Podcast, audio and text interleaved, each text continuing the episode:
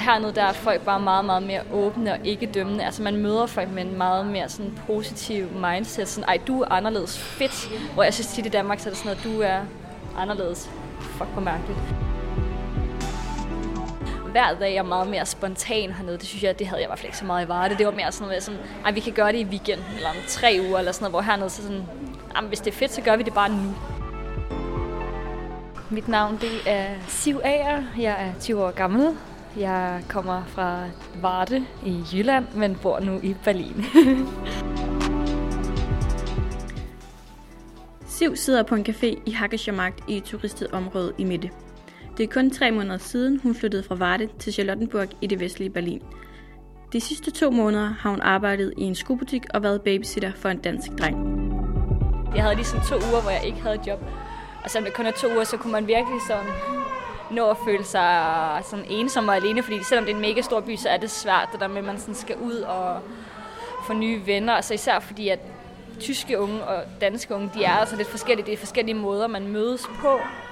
Øhm, men det er virkelig meget igennem mit tyske job, at jeg ligesom har, har fået min, mit netværk hernede. Jeg har fået nogle kollegaer, som så har præsenteret mig for deres venner, som så har præsenteret mig for deres venner. Så det er sådan igennem mine tyske venner, jeg sådan har fået mit største netværk.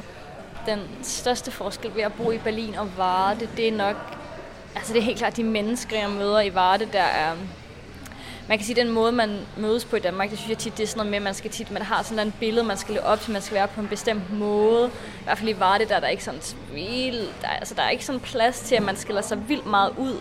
Øhm, og det er sådan tit, altså det er i hvert fald det, jeg sådan selv prøver på, altså sådan, der er sådan, man bliver rigtig meget dømt, synes jeg, i Danmark, sådan, ej, du ser vildt mærkelig ud, eller ej, du har grønt hår, eller du har dametøj på, når du er en dreng. Altså hernede, der er folk bare meget, meget mere åbne og ikke dømmende. Altså man møder folk med en meget mere sådan positiv mindset. Sådan, ej, du er anderledes fedt. Hvor jeg synes tit i Danmark, så er det sådan noget, du er anderledes fuck, hvor mærkeligt. Øhm, så det er vildt fedt også. Altså, min vennegruppe hernede, det består altså også mig selv. Altså, jeg har jo også været sådan en meget var dentisk pige, ikke? Og hvor, man sådan, hvor jeg sådan har prøvet at være meget mere open-minded hernede, og det har også bare givet mig nogle helt andre venskaber, fordi jeg ligesom har mødt folk, som jeg normalt ikke vil henvende mig til.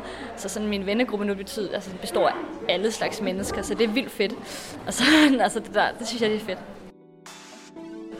Ja, og så det dumme, man kan være, det er også sådan at beholde sin danske mentalitet, for så møder man aldrig nogen rigtige mænd, berliner hernede. Øhm, altså man kan møde mange danskere hernede, øhm, og der er et kæmpe stort dansk netværk hernede, og der bliver gjort rigtig meget for os danskere. Der er noget, der hedder den danske kirke, som par gange i måneden holder nogle sociale events for os unge danskere. Så hvis man ville, så kunne man egentlig bare altså få en dansk omgangskreds hernede, og det synes jeg er vildt dumt, for hvorfor rejse til et andet land for at være sammen med danskere?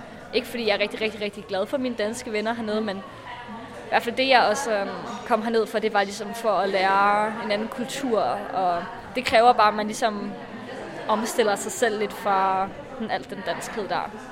Hvad jeg vil tage med fra Berlin, hvis jeg skulle flytte tilbage til, hvis jeg kunne det, det er nok den der sygt fed fredagsfølelse, der er hver dag. Det er som om, at derhjemme, der synes jeg, at hverdagen kan godt blive lidt grå, og sådan lidt, der er ingen spontanitet. Altså hernede, sådan, hvis, hvis vejret er godt en mandag aften, så tager man i byen mandag aften, og så tager man tirsdag, som den nu kommer. Så det er sådan, hver dag er meget mere spontan hernede. Det synes jeg, det havde jeg i hvert fald ikke så meget i Varde. Det var mere sådan noget, sådan, ej, vi kan gøre det i weekenden, eller om tre uger, eller sådan noget, hvor hernede, så sådan, jamen, hvis det er fedt, så gør vi det bare nu.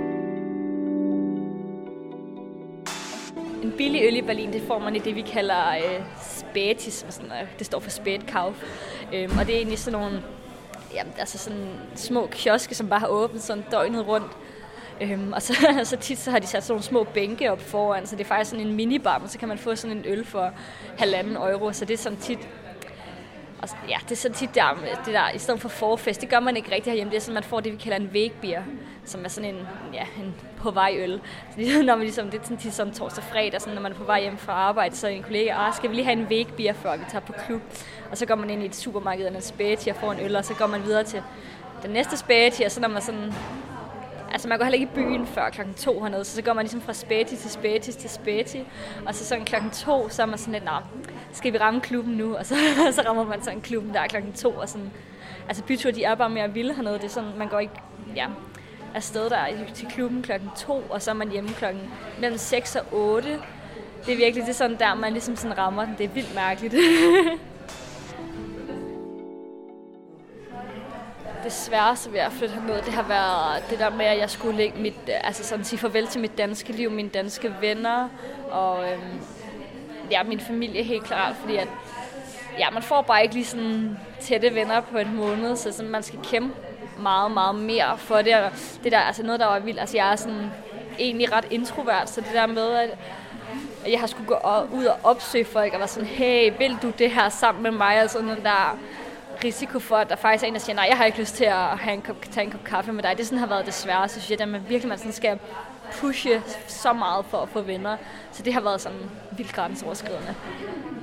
Det allerbedste ved at bo her, for mig lige nu, så er det det der med, at, øh, at den der frihed, det giver mig, altså det der med, at jeg kan, man, jeg, man kan virkelig være ung hernede. Altså sådan, hvis man bare har brug for ja, virkelig at være ung, så, så kan man være det hernede. Og det er som om, der er ikke nogen sådan øvre grænse for, hvornår man er ung hernede. Altså min kollega på 40, hun drikker sig også fuld en onsdag aften og tager på arbejde torsdag. Øhm, så det er sådan det der, det der med, at man bare kan komme herned og virkelig bare fyre den af. Det er sygt fedt.